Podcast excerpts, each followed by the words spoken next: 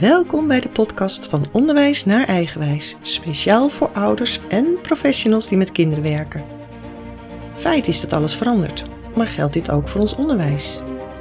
Mijn roots liggen in het veld, eerst als leerkracht en later als schoolcoach en trainer. En nu ga ik, Karen Karton, samen met jou op onderzoek of en hoe we alle eigenwijze kinderen, de Nederlandse burgers van de toekomst, zo goed mogelijk begeleiden naar volwassenheid, zowel op school als thuis. Welkom Suzanne. Ik wil je vragen of jij jezelf wil introduceren. Ja, dankjewel uh, Karen dat ik hier mag zijn en dat ik me mag introduceren. Uh, mijn naam is Suzanne Danielsson. Uh, ik ben in eerste instantie mens, vrouw en uh, aan mijn achternaam is misschien wel te horen, ik kom uit Zweden. En dat zeg je met trots. Ja, heel veel trots. Hè? Dat is ook echt wel mijn identiteit. Hè? Uh, ik, uh, ik zeg altijd, ik ben misschien wel een van de weinige allochtonen in Nederland, want ik heb nog steeds geen Nederlands paspoort, maar alleen een Zweeds paspoort. en dat is dus heel bewuste keuze. Ja, hele bewuste keuze. Ja? En, Ja. en kun je daar iets meer over vertellen? Want dat is natuurlijk heel interessant. Uh, nou, wat ik net al zei, het is een stuk van mijn identiteit. Iets wat bij mij hoort. Ik was uh, 13 toen we in, uh, of nou 12, uh, toen we in Nederland kwamen wonen. En um, hoewel ik uh, hier dus al 50 jaar woon, zijn mijn Zweedse roots, hè, je wortels, is toch wel het allerbelangrijkste. En uh, daar ben ik opgegroeid. Daar heb ik mijn normen en waarden mee gekregen. En ja, dat zijn mijn wortels. Dat, dat hoort bij mij. En zo voelt dat ook echt. Hè? Prachtig. En het klinkt ook heerlijk eigenwijs. Ja, leuk hè? ja, ja, dat is het sowieso ja. helemaal prachtig. En dan ga ik ook even nog verder terug in de tijd. Want uh, jij komt uh, dus uit Zweden, maar uh, uit wat voor gezin kwam je daar? Nou, heel traditioneel gezin. Mijn vader die werkte, die zat in de marketing, dus die had een vrij hippe functie natuurlijk, baan in die tijd. Mijn moeder was thuis, was huisvrouw, die was één grote wolk liefde. En ik ben de middelste van drie kinderen. Ik heb een oudere broer. Ik heb een jonger broertje die overleden is, helaas op zijn 46ste. Hmm. Ja, zo. Ja, ja, dat zijn er toch even momentjes dat ik dan even stil ja. Want dat is toch altijd ja, respect voor, hè? Ja, zeker. Is, ja. En mooi mijn, dat je hem ook noemt. Ja, hij is, uh, ja, Klaas, mijn, hij, mijn broertje heette Klaas. En ja, dat was um, ja, ook een wolk liefde. Hij had een vorm van autisme. En um, ja, ik heb Klaas nog nooit boos gezien in zijn leven. Hij was alleen maar lief. En ik was vier jaar en wij scheelden twee jaar en hij was twee. En ik weet nog, dat was midzomer, dat is eigenlijk net als kerst, het tweede grote feest in Zweden. En Klaas stond naast mij en ik hield zijn hand vast, want het was nogal druk en hij was een beetje verloren. En hij stond altijd met zijn hoofd een beetje opzij en ik had zijn hand vast en ik was vier jaar, vier en half en hij tweeënhalf. Uh, en ik dacht toen, ik zal altijd voor jou moeten zorgen. Wow. Ja, dus dat, uh, dat is een beeld, dat heb ik mijn hele leven bij me gehouden. En dat is ook uh, zo geweest. Ja, wauw. En hoe was het om voor hem te zorgen? Soms, als je jong bent en in de puberteit, was het um, lastig, had ik er geen zin in. Toen we net in Nederland kwamen wonen, voelde ik me heel verantwoordelijk, uh, want op school hij had het natuurlijk wat moeilijker. Hij vond het moeilijk om te wennen natuurlijk. En met de taal, ik sprak nog een beetje Engels. Dus ik, en ik was vrij extrovert, dus ik redde me wel. Uh, maar hij had wat meer moeite en uh, daar, dat vond ik weer moeilijk. Dus dan moest ik hem iedere keer troosten en naar hem toe gaan. En dan, uh, ja, dat was wel, dat vond ik wat. En in, en in zijn, toen hij volwassen werd en ik ook, ja, op een gegeven moment werd ik ook zijn begeleider en ja, was ik er wel voor hem. En soms ja, ben je daar natuurlijk spuugzat van. Dan Ja. denk je, gadverdamme, nu even niet. Maar aan de andere kant, ja, het was zoals het was. En ik deed wat gedaan moest worden, punt. Hij kon er ook niks aan doen. Het is een ziekte. Ja. Het is, eh, dus dat is ook wel wat het, eh, wat het makkelijker maakt om voor iemand te zorgen. Het is niet zomaar eh, iets waarvoor iemand kiest. Nee, het was, hij was echt ook beperkt in de dingen die hij kon en die hij niet. ja, voor elkaar kreeg. En heeft hij ook gewoon een schoolcarrière wel gehad? Ja, zeker. Ja, want hij was super slim, heel intelligent. Uh, hij heeft in Nederland uh, gewoon een middelbare school gedaan. En eigenlijk op zijn vervolgopleiding, toen kwam natuurlijk zijn, zijn anders zijn er meer uit. Dus dat lukte dan niet meer het, het, studeren. Toen is hij gaan werken, heeft hij heel technisch werk gedaan, want hij was heel goed met computers. Dus hij heeft aan het begin, wat we nu eigenlijk de TomTom en de navigatiesystemen, hij heeft uh, Nederland helemaal in kaart gebracht. Uh, en, en daarna Europa ook.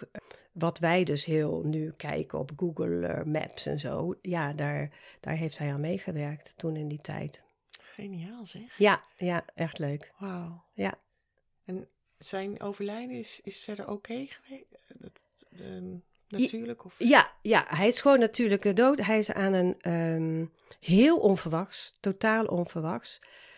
Mijn broertje was naast dat hij uh, autistisch was, was hij helaas ook alcoholist geworden. Mm. Uit een soort van zelfmedicatie. Hè? Hij begreep de wereld helemaal niet, niet helemaal en de wereld hem niet. Ja, en dan is alcohol een mooi middel wat overal verkrijgbaar is om toch maar te dempen. Mm. En uh, door het gebruik van alcohol, uh, gebruik van ibuprofen bijvoorbeeld, wat als snoepjes verkrijgbaar is, heeft hij heel totaal onverwachts een uh, massale maagbloeding gekregen. En is hij ja, binnen twee minuten overleden. Er was dus verder niets aan te doen. Nee. En nee. heeft hij niet geleden? Nee, precies. Dat zeiden mijn. Dat was een troost voor mij, voor mijn vader en voor mijn oudste broer. We zeiden ook: hij heeft niet geleden. Hij is heel snel, zoals ik dat noem, naar huis kunnen gaan. Ja, mooi. Ja. Dus daarom hebben we daar ook heel veel vrede mee. Hij is echt bevrijd van zijn aardse beslommeringen. Naast het verdriet en het gemis dat je natuurlijk hebt. Maar voor hem ben ik echt heel dankbaar. En hij heeft iets heel moois nagelaten. Daar gaan we nog allemaal dus van gebruik kunnen maken. Ja. Dat is heel waardevol. Ook nog na zijn zijn voor jou natuurlijk. Ja. Wat bovenal het allerbelangrijkste is. Ja, precies. En weet je, door zijn overlijden kwam er natuurlijk ineens voor mij zoveel ruimte en tijd om, uh, om andere dingen te doen. Ja, daar komen we straks op terug. Maar precies. ik kom nog even terug naar het onderwijs in Zweden. ja. Is dat gelijk of is dat anders? Nee, dat is het, het systeem is heel anders dan hier. Je, de kinderen gaan sowieso een jaar later uh, naar de basisschool dan hier. Dus met zeven jaar in plaats van zes jaar.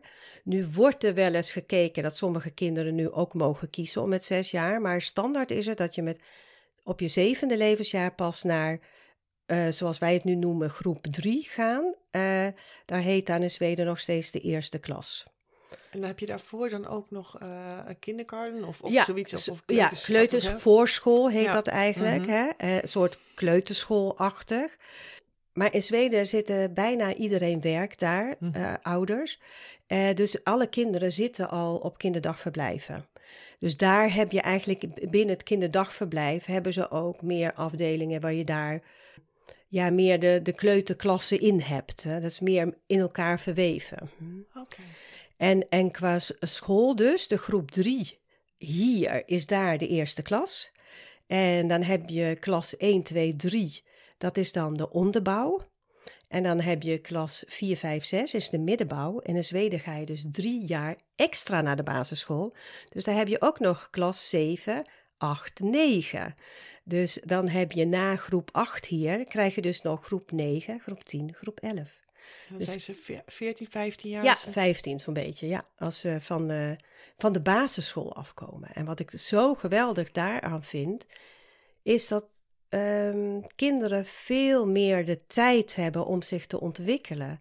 En want het brein is natuurlijk hier, wordt met 10, 11, 12 al besloten welke richting een kind op gaat. Gaat VMBO of HAVO, VWO, gymnasium. Nee, met kinderen in Zweden, dan is dat dus pas op je vijftiende. En daarna gaat iedereen naar het gymnasium. Wat gaaf. Gymnasium, iedereen? Iedereen. Iedereen gaat naar het gymnasium. Mm-hmm. En daar heb je verschillende stromingen wel in. Eenjarig, tweejarig, driejarig. Afhankelijk van um, je, je, je niet niveau, maar je kunnen leren. meer Ehm, theoretisch of meer praktisch gericht? Dat niet? Of is Eh, het gewoon ook, allebei eigenlijk. Want praktisch, dat krijg je allemaal. Dus ook op, ehm, in de bovenbouw, daar krijg je allemaal houtverwerking. Je krijgt allemaal techniek. eh, iedereen krijgt die vakken. En, en op het gymnasium heb je natuurlijk ook wel stromingen van 1, 2, 3 jaar, wat ik zei, maar ook meer eh, praktisch gericht. Maar alles heet gymnasium. En daarna kun je eventueel een, een, eh, een beroepsopleiding doen en eh, hoge beroepsopleiding of middelbaar, of je gaat naar de universiteit.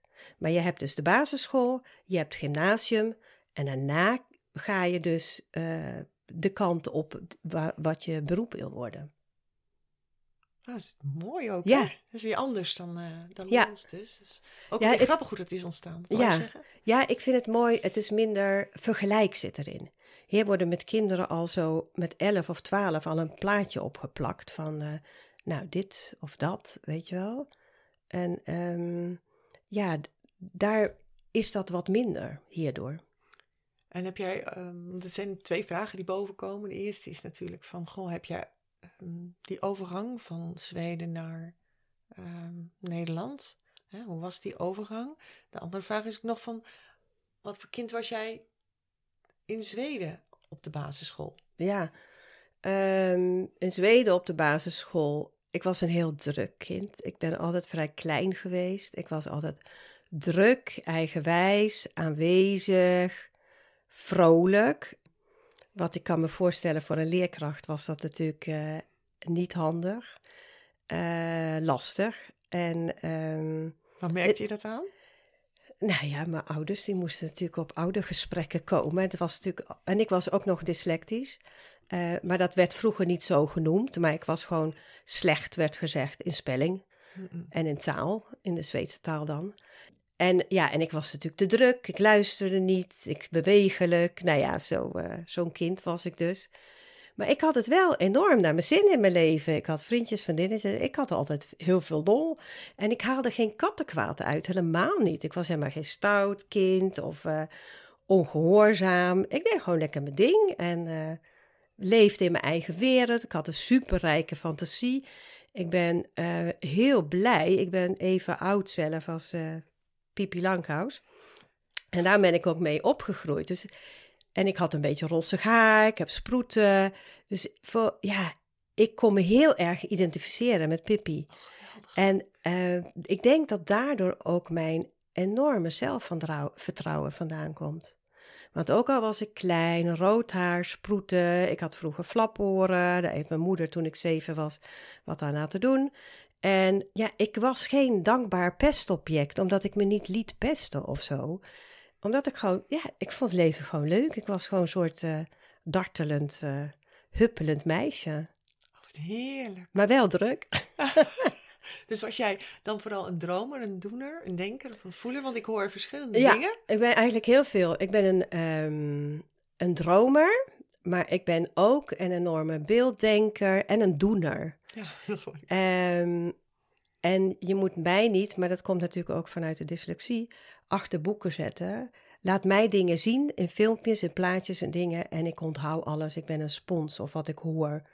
Maar leren, ja, dat vond ik gewoon een beetje saai. Leren uit de boeken. Ja, uit het boeken. Ja, gewoon precies, leren. Ik ben nee, gewoon precies. heel leergierig en heel nieuwsgierig. hè. Ja, dat zie ik. Ja, ja. dat is meteen hoe je Ja. uitdrukking is. Dat is ja, geweldig. ja.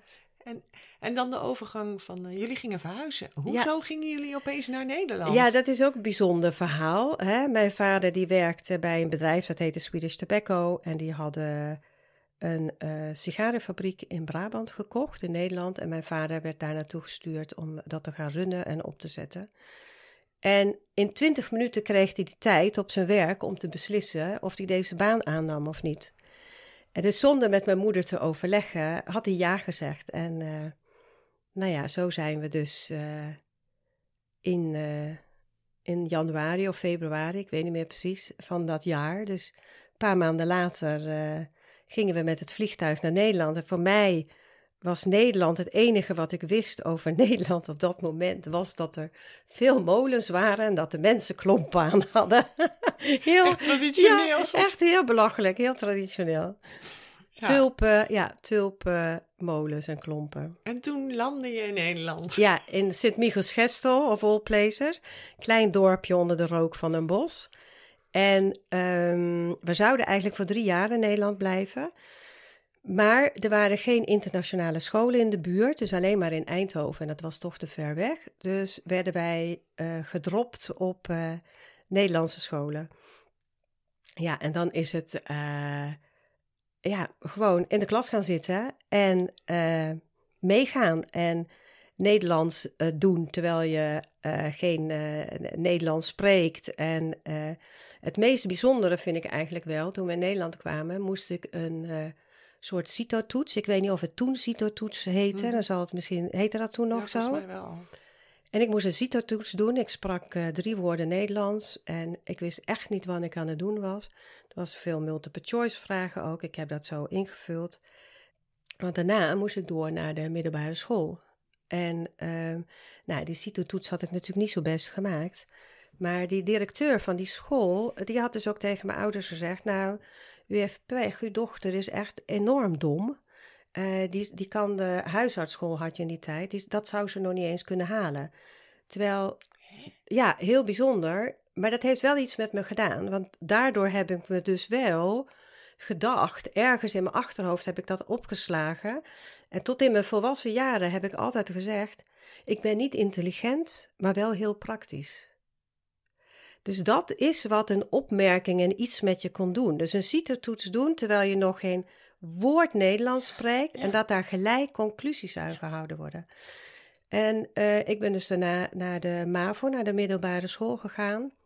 Ja, dat is eigenlijk supergoed gegaan. En waar ik vooral trots op ben voor mezelf, is dat ik in vier jaar tijd ook die MAVO heb gedaan. Zo. En in de eerste moest ik natuurlijk uh, Duits en Frans en Engels leren vanuit het Nederlands, terwijl ik het Nederlands nog niet eens kende.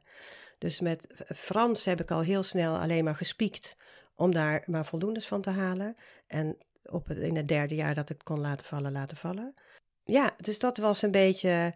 Maar ik heb een waanzinnig leuke middelbare schooltijd gehad. Op de meest leuke middelbare kneuterig kleine school waar ik terecht had kunnen komen. Met heel veel vrienden. Leren vond ik natuurlijk helemaal niks. Dus ik had heel veel vriendjes, vriendinnen en het was één dikke lol. Dus ja, ik, ik vond het één leuk avontuur eigenlijk naar Nederland gaan.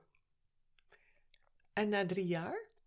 Want je zei, uh, mijn vader had in principe getekend of een contract voor ja, drie jaar. klopt. Ja, nou ja, we zijn, we zijn er dus nog, hè. Ja. en uh, we zijn dus altijd hier uh, blijven wonen. Ja. En jouw moeder? Hoe was het voor jouw moeder? Die heeft het het allermoeilijkste gehad. Mm. Ja, die was natuurlijk thuisvrouw. Die was huisvrouw, hè. Dat was ze al in Zweden. Ja, en hier, toen kwamen we in Nederland wonen, ja, en wij gingen naar school de hele dag. Mijn vader was aan, naar zijn werk. Dus zij is wel heel eenzaam geweest. Nou had ze wel hobby's, ze naaide veel en ze had een lieve overbuurvrouw die daar heel erg heeft opgenomen en ze golfde op een gegeven moment. Maar mijn moeder heeft altijd wel een minderwaardigheidscomplex gehad en het gevoel van ik ben niet goed genoeg. Dat ze de taal niet goed genoeg sprak, en dat ze niet begrepen werd qua taal als ze iets vertelde. Terwijl iedereen was dol op mijn moeder en ja, ik denk door alles eigenlijk door het verdriet wat ze heeft ervaren, maar altijd enorm liefdevol voor ons altijd was.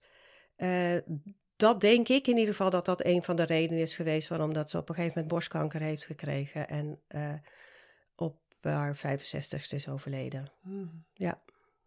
Ach, ja. ja, die voelde zich echt ja, niet thuis in Nederland. Maar als we dan terug waren even in Zweden, ja, daar was ze natuurlijk ook niet meer thuis. En daar wilde ze ook niet wonen, omdat wij kinderen hier in Nederland wonen. Dus ik begrijp zo goed de oh, mensen die, die uit andere landen komen, wat die doormaken hè, om, om weer iets opnieuw te moeten opbouwen in een ander land. Dat klinkt zo leuk en gezellig. We gaan naar het buitenland verhuizen. Joehoe ja, dat is vaak leuk voor de kinderen mhm. of voor degene die werkt, maar het heeft ook een, een keerzijde. Ja. ja. Ja, mooi dat je daar even aandacht voor hebt. Ja. En ik denk dat we dat eigenlijk wel iets meer mogen bij stilstaan soms. Ja, maar als je het niet zelf hebt ervaren, als je niet weet wat het is, dan is dat moeilijk om, om, ehm, om je in in te leven. Nou, en om erbij stil te zijn, om je bewust van te zijn natuurlijk. Want het, het leeft helemaal niet bij je. Jij. Hebt het naar je zin. Ja, en dan is het ook wel weer heel herkenbaar wat je vroeger ook zag en nog steeds dus heel logisch ziet. Is dat mensen dan van eenzelfde land of achtergrond bij elkaar gaan. Ja, eh, Tuurlijk, ja. Want maar dat hebben wij natuurlijk eigenlijk ook gedaan als gezin. Hè? Je blijft Zweeds. We praten thuis altijd Zweeds. Mijn vader is 96 geworden tot aan zijn dood. En met mijn eh, broers en eh, la- later met mijn oudste broer. Wij praten nog steeds onderling Zweeds. Eh, het is, je gaat natuurlijk je taal niet veranderen. Dus je groeit op in een Zweeds gezin. Ja. Met de Zweedse tradities en de Zweedse eh, ja, normen en waarden. En met de taal. Ja. Het is En toch mijn moedertaal. Ja, en in mijn identiteit. Ja, maar dat vind ik dan ook wel heel Ja. mooi. Je hebt ook niet een dubbele. eh, Nee, nee, mijn kinderen wel. Onze kinderen hebben wel dubbele nationaliteiten. ah ja. Ja. En hoe hebben zij het? Want dan gaan we. Dus je hebt twee kinderen, hè? ja, Dat was dan- ik heb twee kinderen. Vertel. Een dochter van ehm 33 en een zoon van 31. Wauw. En ehm, wat ik wel heel bijzonder vind om even over de kinderen te vertellen. Wij zijn natuurlijk, mijn man en ik, twee nationaliteiten op één kussen. En onze dochter, de oudste Lisa, die is geboren op 13 december. Wat een nationale Zweedse eh, feestdag is. Dan eh, komt Lucia in het land en die komt het licht brengen in de donkere dagen voor kerst. En onze zoon Lennart, die is twee jaar later op 5 december geboren. En Nederlandse nationale feestdag, hè, Sinterklaas, eh, komt dan in het land. Eh, en ehm, dus dat vind ik ook weer zo'n mooie ehm, symboliek en bevestiging van, van onze relatie, van twee nationaliteiten. Dat onze kinderen dat in hun, ja, bij hun geboorte dat ook hebben meegekregen. Ja, prachtig Ja, is het zo. eh, ja. ja. Ze brengen alle twee iets. Ja? Sowieso. zeker, zeker. Dat doen ze sowieso. Ja, en wat voor ehm, schoolcarrière hebben zij gehad? Of eigenlijk zijn we bij jou nog niet eens helemaal klaar, want eh, jij bent naar de MAVO gegaan. Dat Ja, heb je toen vier heb- jaar gehaald. Ja, heb ik de, daarna heb ik de MEAO gedaan. Eh, gedeeltelijk overdag, gedeeltelijk s'avonds. Want ik was, omdat je in Zweden één jaar later gaat eh, naar school. Dus ik was al één jaar ouder dan iedereen. En ik heb ook, ik vergeet, na de MAVO had ik het idee dat ik kleuterleidster wilde worden. Mhm. Dus ik ben ook nog een jaar naar de klos geweest, zo heette dat in die tijd. Dan had, was dat los van de PABO. En, eh, maar dat was niet mijn carrière. Eh, dus toen ben ik naar de MEAO gegaan. En toen was ik ondertussen twee jaar ouder dan iedereen. En ik ging met de auto naar school, terwijl de, de meesten met hun, net met hun brommer mochten komen. En na een jaar eh, ben ik ziek geworden. En ben ik drie maanden ziek geweest, een leverontsteking gekregen en eh, hepatitis heet dat zo mooi en een maand in het ziekenhuis gelegen. En dat is wel ook wel een mooi cadeau geweest, want toen heb ik besloten ik ga niet meer overdag naar school. Ik ga de MEAO s'avonds afmaken. Toen ben ik naar de avond MEAO gegaan, drie avonden in de week naar school. En overdag ben ik gaan werken als standaardassistente. En je zegt het echt Ja. met zo'n lach. Ja, ja. Want? Nou ja, ik wilde gewoon, omdat ik drie avonden de week naar school zat, dacht ik fulltime werken vind ik dan te veel. Eh, en ik zag een advertentie in de krant parttime eh, tandartsassistenten gevraagd voor vijf ochtenden in de week. Opleiding niet nodig. Dus ik dacht, nou, ik solliciteer op maandag en op vrijdag mocht ik al op sollicitatiegesprek komen. Op, maan, eh, op maandag ben ik begonnen. Zo. En die tandarts heeft mij zelf opgeleid.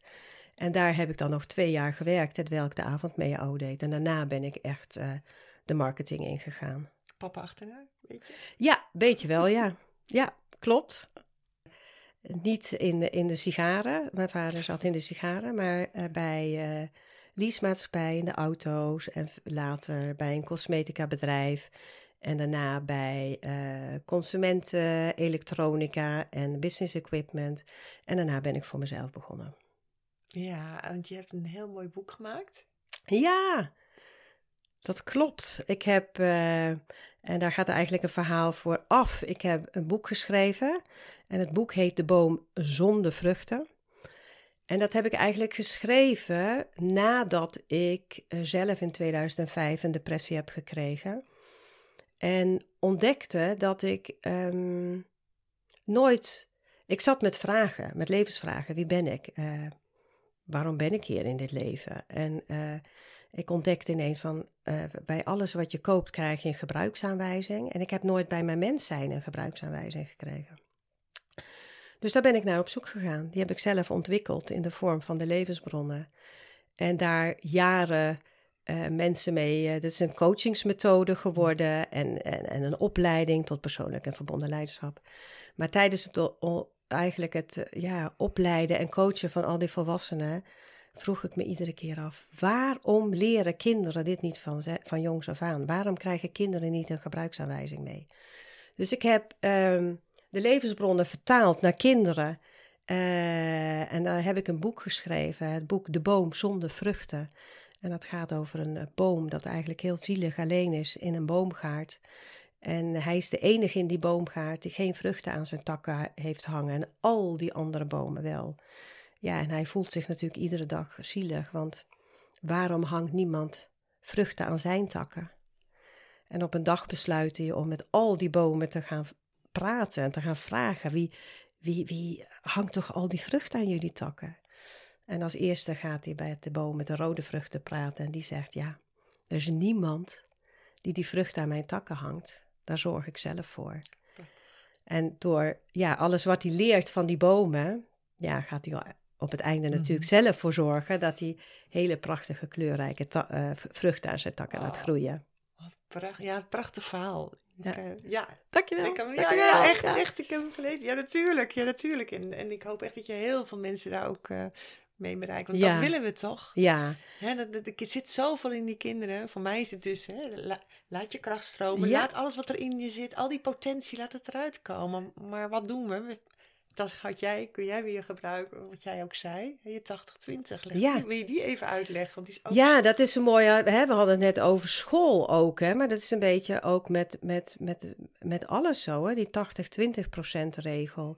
En op school geldt die natuurlijk zeker ook, dat we op school eigenlijk 80% bezig zijn met dat waar we niet goed in zijn, om daar iets beter in te worden. En die 20% waar we super goed in zijn, ja, daar wordt heel weinig aandacht aan besteed. En dat zorgt er natuurlijk voor dat we heel erg bevestigd worden in dat waar we iets minder goed in zijn. Dus um, ja, als, als je wat moeite hebt met lezen, tuurlijk moeten we leren lezen. Dat, dat is natuurlijk hartstikke belangrijk. Um, maar nu wordt de focus er zo op gezet dat je constant aan bevestigd wordt van, oh ja, ik kan niet goed lezen.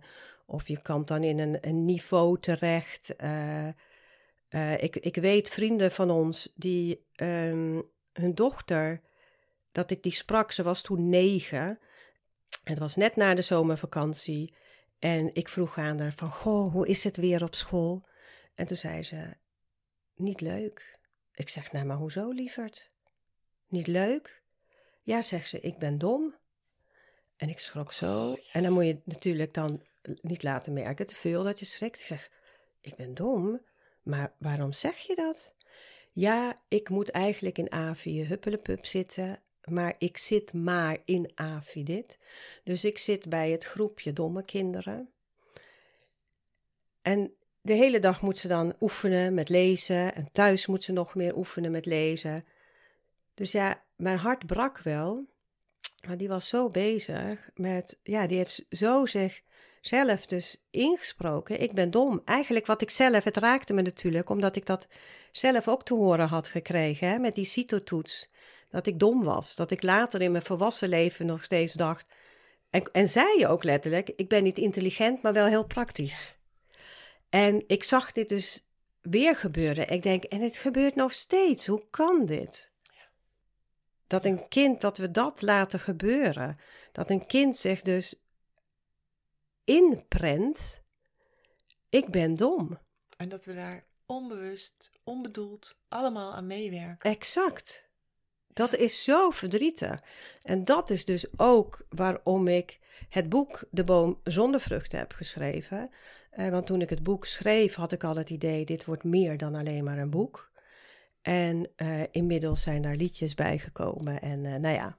van Ja, alles en nog wat. Ja, ja, het is echt fantastisch. En eh, het is ook wel de boom met vruchten. hè? Exact, de stichting change, heet hè? ook. eh, De Ja, change. Ja, de dat vind ik wel change. heel, vind Ja. ik een hele mooie change. Hoor. ja ik- zeker. De ik, ik stichting werd heet ook. van de niet-vruchten. En toen dacht ik, oh gelukkig, er zitten nu vruchten aan. En, en ja, ontdek wat er allemaal is. Dat is het voor mij zoiets Ja. van, Er is zoveel meer eh, dan, dan wat er hier en nu gewoon zichtbaar is. Ja, en aan de andere kant, hè, dat zegt de boom zonder vruchten ook. Dat, van de eerste boom leert hij namelijk dat die goed en mooi is, precies zoals die is, Mhm. met of zonder vruchten. Mooi. Dus al heb je geen vruchten, dan ben je ook perfect. Want je bent perfect, precies zoals je bent. En ik geloof toch echt dat iedereen Ja. vrucht, alleen je ziet het soms niet. Zit- Maar, maar het, zit, het is er gewoon. Ja, Alleen ja, mm, Ja. binnen en buiten. Hè? precies. Ja. Mooi. En jouw kinderen? Want ik ben even toch nog even nieuwsgierig naar ja. de schoolcarrière van je kinderen. Nou, die hebben hier natuurlijk in Nederland gewoon op een kinderdagverblijf gezeten, omdat ik eh, ook werkende moeder was. Die hebben op de, hoe noem je dat, kleuterschool, hè? groep 1, 2 gezeten. Eh, ze hebben een hele leuke basisschool gehad, maar ook daar niet helemaal gezien. Daar werd natuurlijk ook heel erg in hokjes gestopt, hè. En ik weet dat mijn dochter bijvoorbeeld in groep eh, drie was dat. Ik moest even goed nadenken. En ehm, dat we een oudergesprek hadden. En ja, Lisa kwam natuurlijk thuis met eh, schriftjes van rekenen en. En dan stond daar met rood erbij van die eh, kruisjes wat fout was. Of, eh, en dan stond er dan zeven goed. Of nee, drie fout, twee fout, vier fout, één fout. En ik weet dat ik in bij de oudergesprek kwam en ik vroeg van... Goh, waarom schrijven jullie niet zes goed? Acht goed? Zeven goed? Nou, de juffrouw keek me aan alsof ik van een andere planeet was. Dat had ze nooit bedacht. Maar toen was ik eigenlijk met dit werk nog niet zo bezig. Maar intuïtief voelde ik van waarom doen we die dingen eigenlijk? Het, ja, het is natuurlijk ingesleten, het is een gewoonte. Dus eh, onze dochter heeft wel een paar hobbels gehad op de basisschool. Ook wel mijn moeder overleed, toen zat ze in groep drie. En toen had ze ook de pech, een juffrouw die, die niet zo, eh, hoe noem je dat? Empathisch. Empathisch eh, ja, vermogen had. En Lisa was heel gevoelig, die huilde, die miste haar oma natuurlijk. En, ehm, dus die moest vaak spontaan huilen in de klas. En op een gegeven moment had de juffrouw ook gezegd, nu is genoeg gehaald. Alle tranen zijn nu op, nu is er genoeg geweest. Hè? Ja, en dat doet ook iets met je kind. Dat je je emoties niet eh, gezien worden, erkend worden. Dat het dus verkeerd is om te huilen, om te rouwen.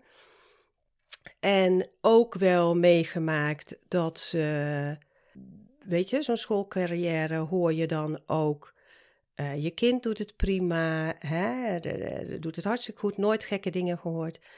En naar de CITO krijgt ze dan een andere advies dan wat ze zelf had verwacht. Zij had al een droom waar ze naartoe wilde. Zij wilde de dansacademie. Hmm. Ze danste al haar hele leven, dat was haar droom. En daar heb je haven voor nodig, dus daar wilde ze naartoe. En zij eh, kreeg VMBO-advies en ik heb zelf MAVO, dus daar gaat het ons helemaal niet om.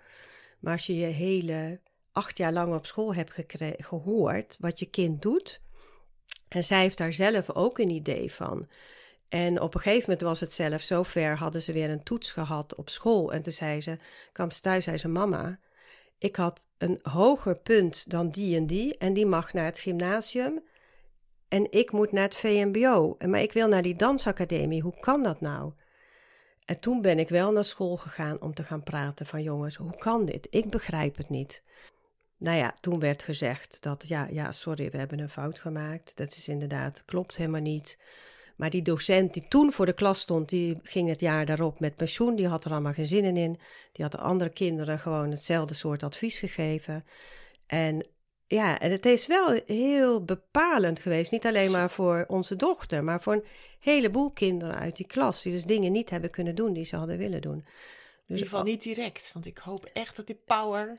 ja, dat hoop Maar ik. Maar erg. dat is dus niet bij iedereen gebeurd. Nee, Nee. Oeh. Ja, pijnlijk hè? Dus Ja, zo maar ook- bepalend. Maar ook die verantwoordelijkheid. Die ik Exact. altijd voel van, ik werk met het goud van anderen.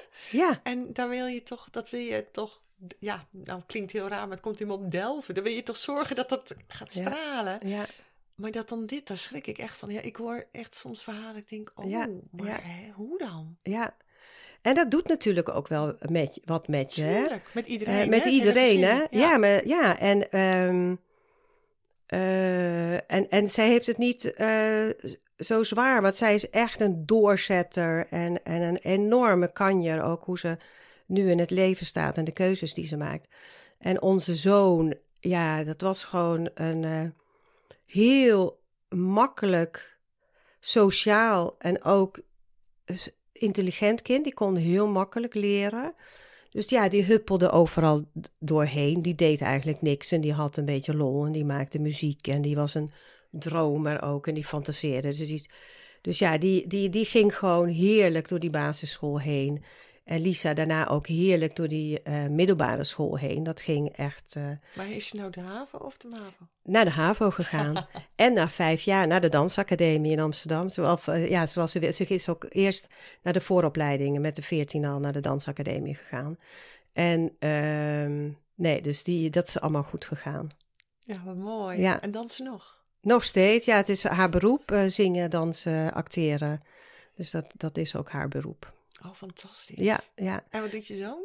Die, eh, die zit in de communicatie, in de communicatiewetenschap. En eh, ja, die werkt als adviseur, eh, consultant, senior consultant bij een bedrijf waar ze, ja, de, hoe moet ik dat zeggen? De betrokkenheid van medewerkers toetst. Het is ook wel mooi, hè? Van hoe betrokken voelen mensen zich. Hè? Nou, die is zeker heel interessant. Ja, ja, is wel uh, super mooi. En dan ga ik een uh, hele andere vraag stellen. Want stel je voor dat de minister van Onderwijs uh, jou belt. Ja, zegt, oh, ja, ik hoop het. Suzanne, ik zit in een groot vraagstuk. Ik wil het onderwijs wel veranderen, vernieuwen. Ik merk wel dat dat nodig is, maar hoe kun je me helpen? Ja, nou. Wat zou je dan zeggen? Ja, dan zou ik sowieso uh, de boom erin gooien natuurlijk. Uh, dat ook in het onderwijs een groot gedeelte uh, aan aandacht besteed wordt aan het mens zijn. Dat kinderen leren om volwaardig mens te zijn. En om kinderen te leren dat alles van waarde al in ons zit. Um, want nu zijn we veel bezig, ook belangrijk natuurlijk, maar kinderen vooral vol te stoppen met kennis. Terwijl we ook zoveel wijsheid al in ons hebben. En om dat eruit te toveren bij kinderen. Om dat, uh, ze dat te laten ontdekken. Om te laten voelen. Uh, en te laten zien. Ja, uh, dat denk ik dat het heel belangrijk is. En dat het onderwijs niet moet. Dat, dat succes niet is afhankelijk is van uh, het niveau wat je doet of wat je later wordt of waar je, hoeveel geld je verdient. Maar de succes en geluk gaat over welzijn. Over hoe sta ik in het leven, hoe voel ik me. Over welzijn gaat ook over het gevoel van wij, van samenleving en samenwerken. Wij zeggen in de boom ook, laten we kinderen groeien, hè? samen van ik met jou naar wij. Dus wij laten kinderen eerst dat, dat, dat, dat, en dat wil ik in het onderwijs ook terug willen zien. Kinderen dat stevige, gefundeerde ik la, eerst laten ontdekken, zodat ze daarna de jij kunnen ontdekken en kunnen ontdekken hoe jij en ik zich tot elkaar verhouden om gezonde relaties te kunnen bouwen. Dus niet van wat heb ik nodig van jou Mm -mm. of wat, wat, wat uh, wijs ben jij, mm -hmm. wijs je af, hè? waar ben jij als concurrent voor mij? Nee, en zodat we kunnen kijken van hé, hey, hoe kunnen we elkaar helpen? Hoe kunnen we elkaar versterken? En als we dat kunnen, dat gezonde jij en ik hebben ontwikkeld, ja, dan kan er het wij ontstaan. En dan ontstaat die synergie van 1 plus 1 is 3. Hè? Ja, dat zou ik er mee willen geven. Van hoe kunnen we kinderen um, weer ja, volwaardige mensen leren zijn? Wat houdt dat in? Ja, jezelf omarmen eigenlijk eerst en daarna kun je dus ook weer met een ander. Exact. Ja. Ja, jezelf een fundament, maar ook stevig staan. Mhm. Hè? Dat eh, al zegt een ander iets over jou, iets negatiefs, ja, dat zegt niets over jou. Het zegt iets over de ander. Ja, want is Pippi met jou meegereisd, ook toen je eh, van Zweden naar Nederland ging? Jazeker, ze zit in mij. Ja, nee, oké. Ja. Ja, maar omdat, hè, die, die, ik moet dan denken aan die, aan die leerkracht die tegen je ouders zei van ja, dat kan niet. En dat jij dus hebt opgenomen van, nou ja, ik ben vooral praktisch. Ja, ja dat. ehm, nou, sowieso speelde er ook iets anders met Pippi in mij. Want toen wij naar Nederland verhuisden, toen zei de juffrouw waar ik bij stond in Zweden tegen mijn moeder: Suzanne gaat het nooit redden in het buitenland. Die is veel te druk. Die, er was van alles met mij aan de hand. Heb ik dus allemaal gehoord. En maar misschien heeft dat met mij ook een soort van kracht gegeven, waar het een ander naar beneden kan halen. Maar dat was die pipi-kracht in mij. Hè? Hè, Ik heb het nooit gedaan, dus ik denk dat ik het kan. Dat heeft het wel aangewakkerd in mij. Van nou ja, kan het niet rechtsom, dan doe ik het linksom. Ben ik niet slim, dan doe ik het wel praktisch. Ik kom er wel. Ik, eh, ik ga ervoor of zo. Hè? En dat is die grond waar Ja, je, die ja. je iedereen gunt eigenlijk. Ja, precies. Dat stevig staan. Gewoon, ja, we zijn allemaal aan de buitenkant een beetje anders. Maar aan de binnenkant zijn we allemaal even krachtig. Helemaal, En allemaal gemaakt van diezelfde sterrenstof. helemaal mee eens. Prachtig. Ja. ja. Wat zou jij zeggen tegen kinderen die eh, heel graag naar school gaan? En wat zeg je tegen kinderen die het moeilijk hebben op school? Of die gewoon niet graag naar school gaan, zoals dat ene meisje wat je sprak? Ja. Ja, wat zou ik tegen die kinderen zeggen die heel graag naar school gaan? Blijf altijd dat kind. Blijf nieuwsgierig, leergierig. En, en kijk ook mee. Neem, neem de kinderen die niet zo graag naar school gaan. Geef die een keer een handje of vraag die mee te spelen. En laat ze meegenieten, meeliften in jouw positieve, fijne energie. Hè? Want zo kun je iemand ook meenemen, motiveren en, en ehm, inspireren door je gedrag. En dat hoeven ze niet bewust van te zijn, maar dat voel je. En hoe kunnen wij daar ouders in helpen? Want precies wat je zegt, ervaar ik nu ook eh, eh, meerdere keren als ik dan... Hè, ik sta in de ochtend in de ene klas, de middag op een andere, in een andere klas. Ik ondersteun nu al, dat vind ik heerlijk, allemaal groepen. Maar er worden soms kinderen, hè, die komen dan op school en die spreken de taal niet. Dus een meisje, dat is eh, Pools-Spaans. Een meisje uit Brazilië. En geen woord. Geen woord Engels, geen woord. Ook voor mij als leerkracht, als ik daar dan ben, dan vind ik zo onmachtig. Ik, ik, kan, ik kan nog een beetje zenden, want ik, hè, ik kan mijn telefoon, dan kan ik nog vertalen en dan kan ik het eh, dan dat meisje laten horen Ja. dat ze het hiervoor begrijpt. Maar zij kan niet terugtoetsen. Eh, nou ja, het is nog niet zo makkelijk dat ik dan even, hè, ik was niet op voorbereid, maar ik merk ook dat de kinderen haar snel links laten liggen. Omdat ze, de communicatie zoek je elkaar toch op. En zo'n meisje kan niet communiceren. Maar wat gebeurt er? Zo'n zo'n kind ehm, buiten, binnen, het, het wordt niet... Wat je al net al zei, als je het nooit hebt meegemaakt, dan ben je er niet bewust van. Heb je een tip hoe ouders hun kinderen kunnen stimuleren om aandacht te hebben voor kinderen die zeg maar, de taal nog niet spreken? Want hè, ik, dat ene meisje werd dan ge- eh, best wel gezien als, eh, nou, ze is druk en ze, ze, ze doet niet mee. Ze wat ook. Terwijl hè, helemaal niet dat ik geweldig ben, maar wat ik dan zie. En dan hoef ik er alleen maar op schoot even te nemen, want het was een Ja. kleuter. En dan hoef ik er alleen maar hè, even te zijn. En op dat moment gaat dat lichaampje eerst gespannen, maar ontspant dan. Eh, want ze mag er zijn. En dan ja, probeer ik dus mm, daarmee ook een boodschap te geven. Maar ja, ik ben er maar één momentje. En ik kan Ja. natuurlijk die kinderen niet. Dus heb je een tip voor ouders die dit horen of leerkrachten die zeggen... Oh, maar dat kunnen we natuurlijk doen. Ja, nou ja, sowieso. Ik, ik ging al aan toen je zei communiceren. Communiceren is natuurlijk veel meer dan alleen spreken.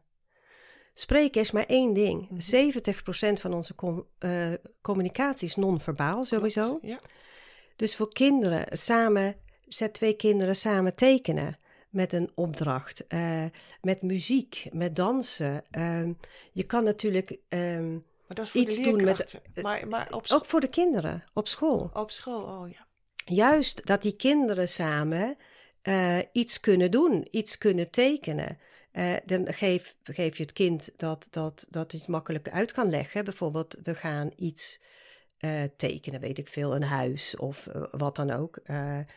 Eh, ehm, die kinderen die communiceren wel met elkaar, met handen en voeten. En die komen er wel uit.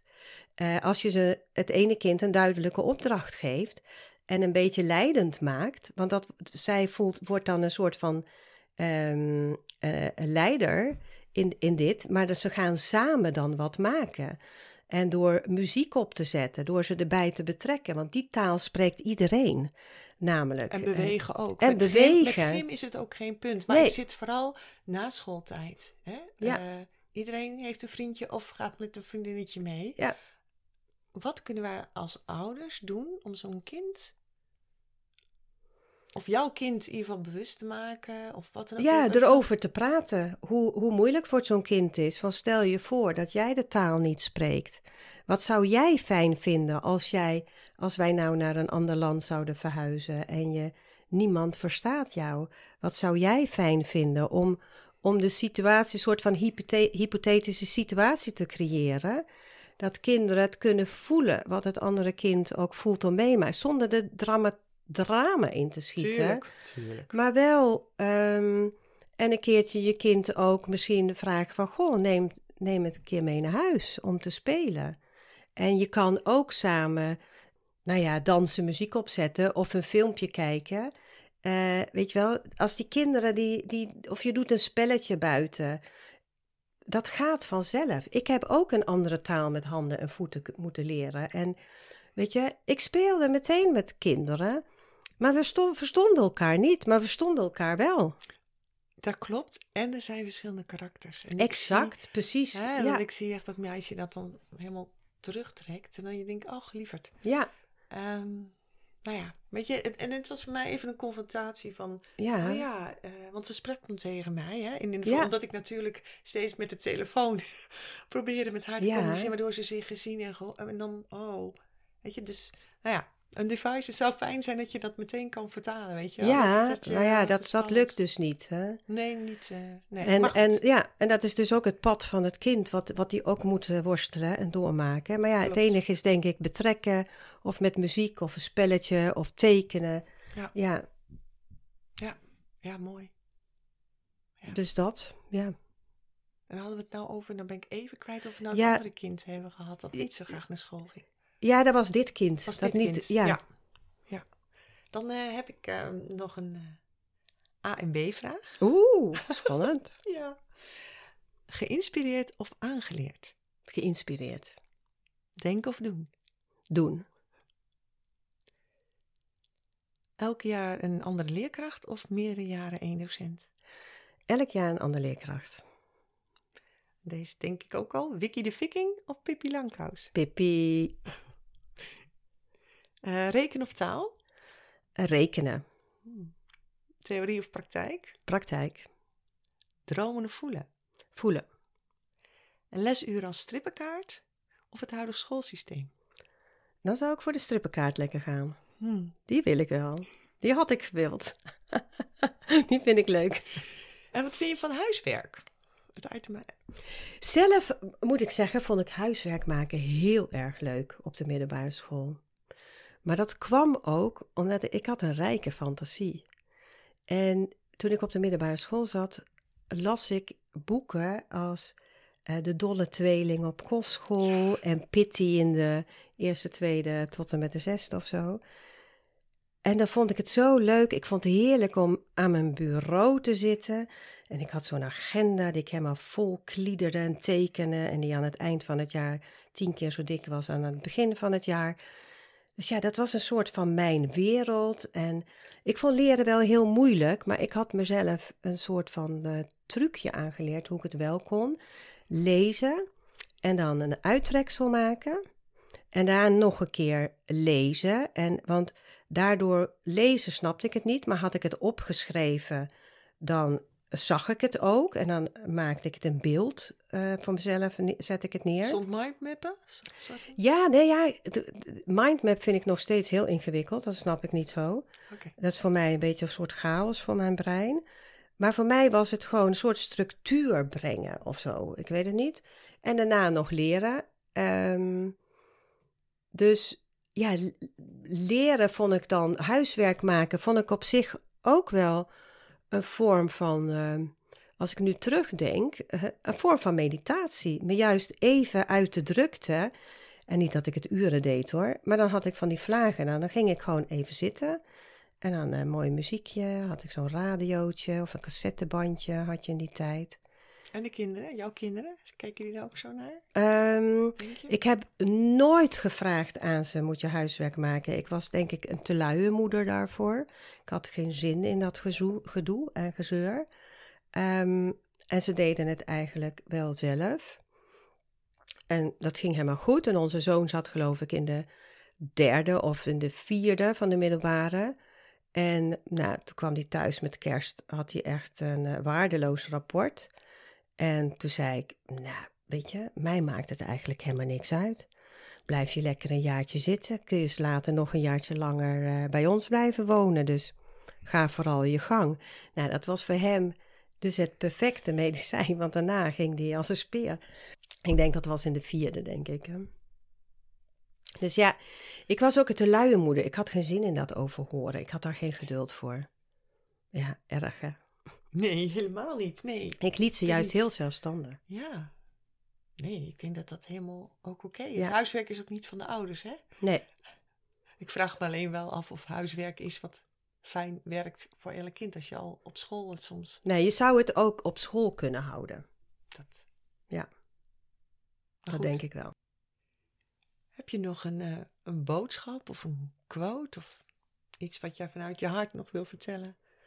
Ehm, ja, wat, ik, wat, eh, wat een mooie vraag. Wat ik zou willen dat iedereen, dat ieder ouder of leerkracht bewust is dat wij mensen niks anders doen dan gedrag kopiëren de hele dag. Dus het gedrag wat je graag wil zien bij een kind of bij de ander, eh, leef dat zelf voor zodat kinderen jou kopiëren. Het gedrag wat je bij, de kind, bij het kind wil zien, ja, leef dat zelf ook. Gedraag je daar ook naar. Want dat is wat we kopiëren. Mooi. Heel mooi. Dankjewel. Ja. Heb, heb jij dat zelf ook heel bewust gedaan nog als ouder? Eh, nee, zeker niet altijd. Zeker niet. Eh, die bewustwording is bij mij ook veel later gekomen. Maar wel in dingen, wat ik wel, wel denk ik goed heb gedaan bij de kinderen, als ik het een keer boos was geweest of chagrijnig of wat dan ook, dat ik wel altijd mijn excuses aanbood. Van, goh, sorry, dat, dat had ik niet mogen zeggen, had ik niet mogen doen. Of, hè, ehm, het lag aan mij. Ik, ik was moe of wat dan ook. Hè? Het ligt niet aan jullie. Ik ben gewoon mens. Ja, precies. Dat je als, ook als ouder laat zien dat je ook mens bent. Dat je ook ehm, dat niet alles makkelijk gaat. Dat je ook je ups en downs hebt. Hè? En dat je ook leert. Dat je Ja. constant aan het leren Ja. bent. Wat we niet anders doen Ja. dan dat vragen van de kinderen. Uit je comfortzone, Ja. uit je comfortzone. Precies, ja. Mooi. En er niet overheen eh, praten of niks aan de hand. Of nee. Ook- Groot houden. Ja, durven delen als, als, het, als je niet lekker in je vel zit. Hè? Dus gedrag kopiëren. Ja, dus gedrag. Voordoen en zo. Eh, Ja, zo te kunnen zij het kopiëren. Mooi. Want hoe meer je deelt met de kinderen, hoe meer zij later met jou zullen delen. En dat lijkt me een hele mooie om mee af te sluiten. Dankjewel, Suzanne. Ja, dankjewel. Karen dat ik hier mocht zijn. Echt super blij en dankbaar.